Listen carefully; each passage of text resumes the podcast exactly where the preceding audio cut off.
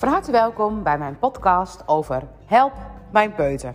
Heel vaak krijg ik mailtjes met hulpvragen ten aanzien van peutertjes. Peutertjes die heerlijk dwars zijn, die niet willen, um, zindelijk willen worden, kinderen die niet willen eten, ze willen niet slapen. Alle dwarse dingen, zeg maar, trekken ze erbij. En ik denk dat ze dat mede doen om, om ons te laten zien dat wij ook dwars mogen zijn. Of dat wij ook een deel dwars in ons hebben zitten. Nou, hoe gaat het precies? Want um, natuurlijk kijk ik ook bij zo'n peutertje naar uh, of, er, of een kind letterlijk iets dwars heeft in het lijf. Zeg maar, nou dwars is misschien wel een beetje een heel groot woord als je het letterlijk hebt over het lichaam. Maar wel als spanning in het lijf zit. Dan heb je gewoon, heb ik zelf ook, als ik zelf gespannen ben, dan ben ik dwarser, dan ben ik sneller geïrriteerd.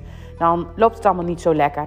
En het moment dat het bij een kind zo is, dan gebeurt dat uiteraard ook. Dus altijd kijk ik ook eventjes naar het lijf of het lijf zeg maar een bepaalde ontspanning nodig is.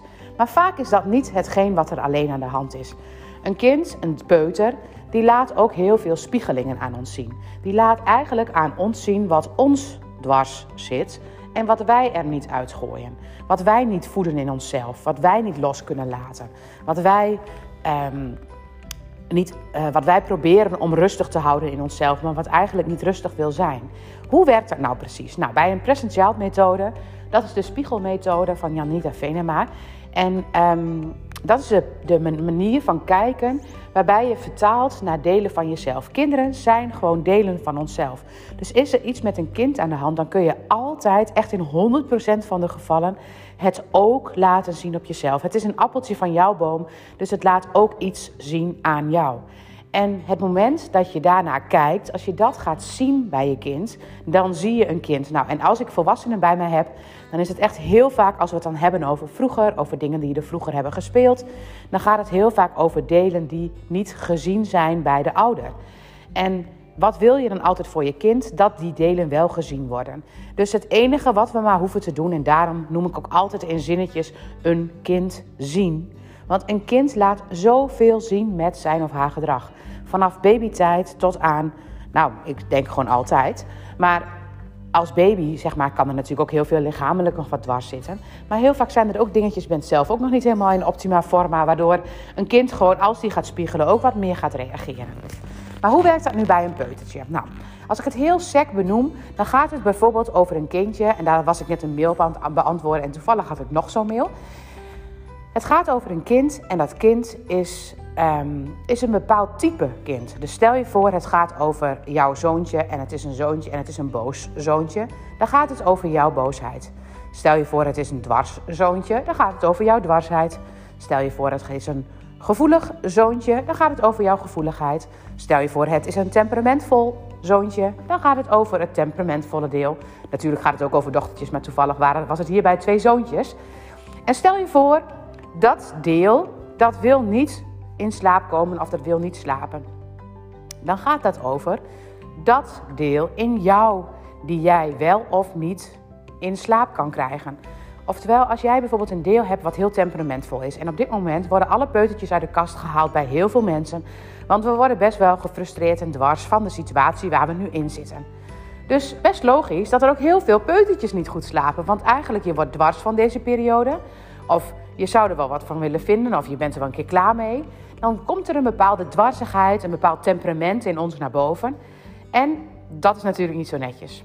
Dus dat willen wij graag onderdrukken. Dat wil je graag wegstoppen.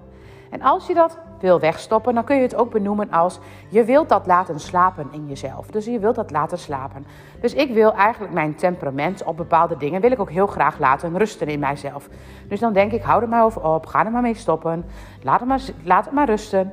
Dus ik ga het proberen te laten rusten. Maar als ik iets in mij heb en het moet er eigenlijk uit, dan moet ik het helemaal niet laten rusten. Dan moet ik dat eruit gooien als je bijvoorbeeld hebt over temperament en je zou bijvoorbeeld kijken naar um, nou, dat je geïrriteerd bent dat bijvoorbeeld nu weer in een lockdown zitten. Ja, dan weet je, denk je van nou, dan moet ik me maar weer neer gaan leggen. Het zijn allemaal woorden, moet je maar eens luisteren, neerleggen, uh, tot rust brengen. Het past allemaal bij hetzelfde stukje. Maar het drukt altijd. Want stel je voor, ik zou ergens boos om zijn. En ik zou vanmorgen ergens boos om zijn geworden. En ik ben een beetje boos geworden. Maar ik heb niet alles eruit gegooid. Dan ga ik even later, zeg maar, datzelfde gevoel ga ik weer ergens aangeraakt krijgen. Want bepaalde gevoelens komen gewoon vaker per dag, werden die weer aangeraakt. En dan ben ik ietsje extra boos. Want stel je voor, ik heb de eerste boosheid niet volledig geuit. Dan komt er een extra boosheid en dan ben ik aan het stapelen. En komt er dan nog een keer een boosheid overheen? Nou, dan word ik nog een beetje sneller geïrriteerd. En zo kun je soms echt stapel op stapel op stapel gaan maken. En kun je dus uiteindelijk gaan ontploffen. Nou, als je zelf, als, als jouw kind heel erg veel boos is en heel erg veel frustraties laat zien, dan laat het vaak zien dat jij heel erg hebt gestapeld met jouw boosheid, met jouw frustraties.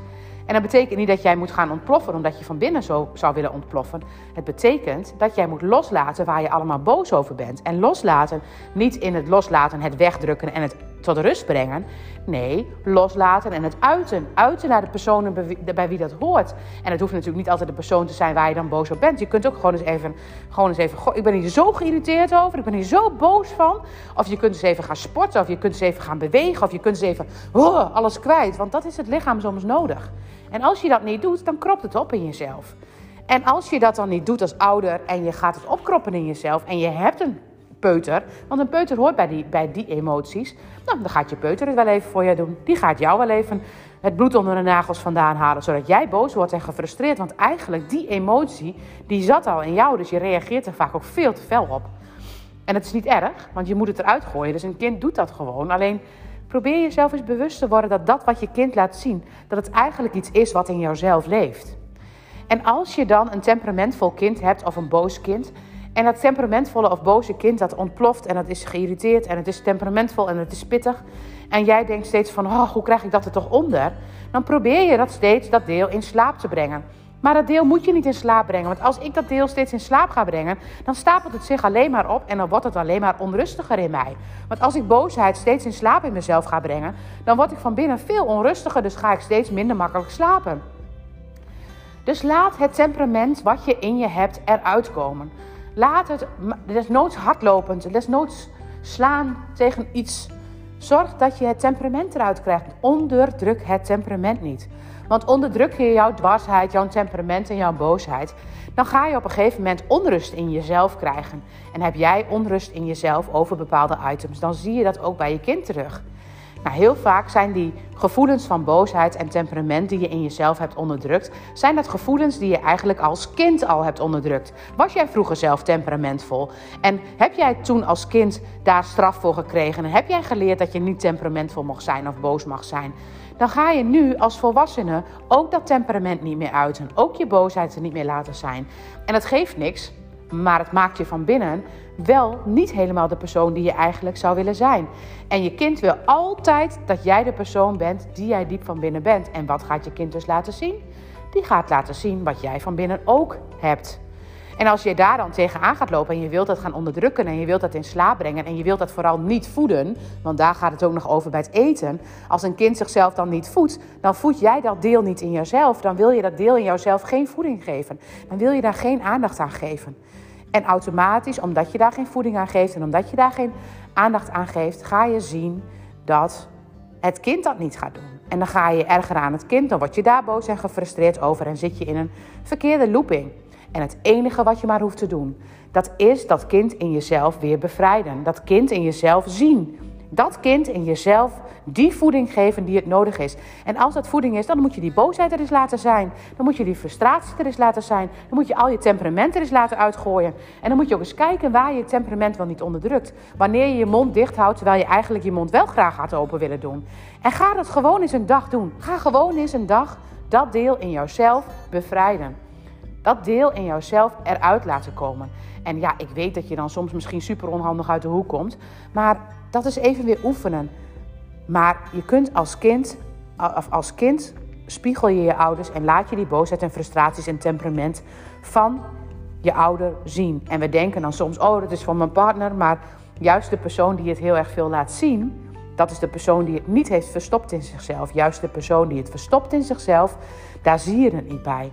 Maar van binnen zijn ze wel gefrustreerd en geïrriteerd. En op dit moment, in de wereld waar we nu even zitten, met corona, met de lockdown, komen al deze dwarse pubertjes en al deze dwarse peutertjes komen ontzettend naar de oppervlakte omdat we er dwars van worden. We worden er boos van. We worden er gefrustreerd van. Maar we hebben nooit geleerd om die boosheid en die frustratie op de juiste manier te uiten.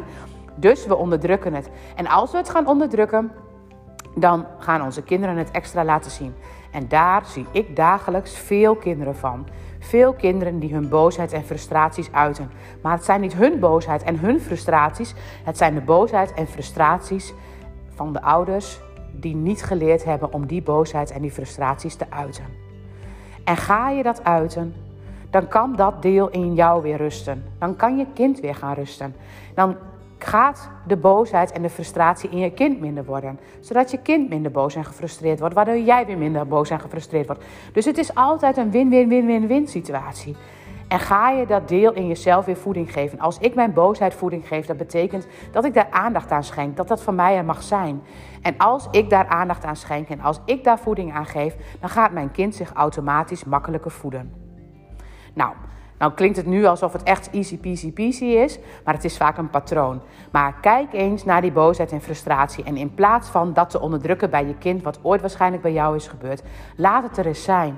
En ga zelf eens geïrriteerd doen. Desnoods alleen al over je zoontje. Dat je gewoon zegt, oh man, het irriteert me zo verschrikkelijk. Ik word daar zo geïrriteerd van. En laat die irritatie er zijn. Denk niet, ik moet nu een goede ouder zijn en moet op de goede manier reageren. Dat zou wel wenselijk zijn, maar de frustraties onderdrukken, dat helpt echt niet.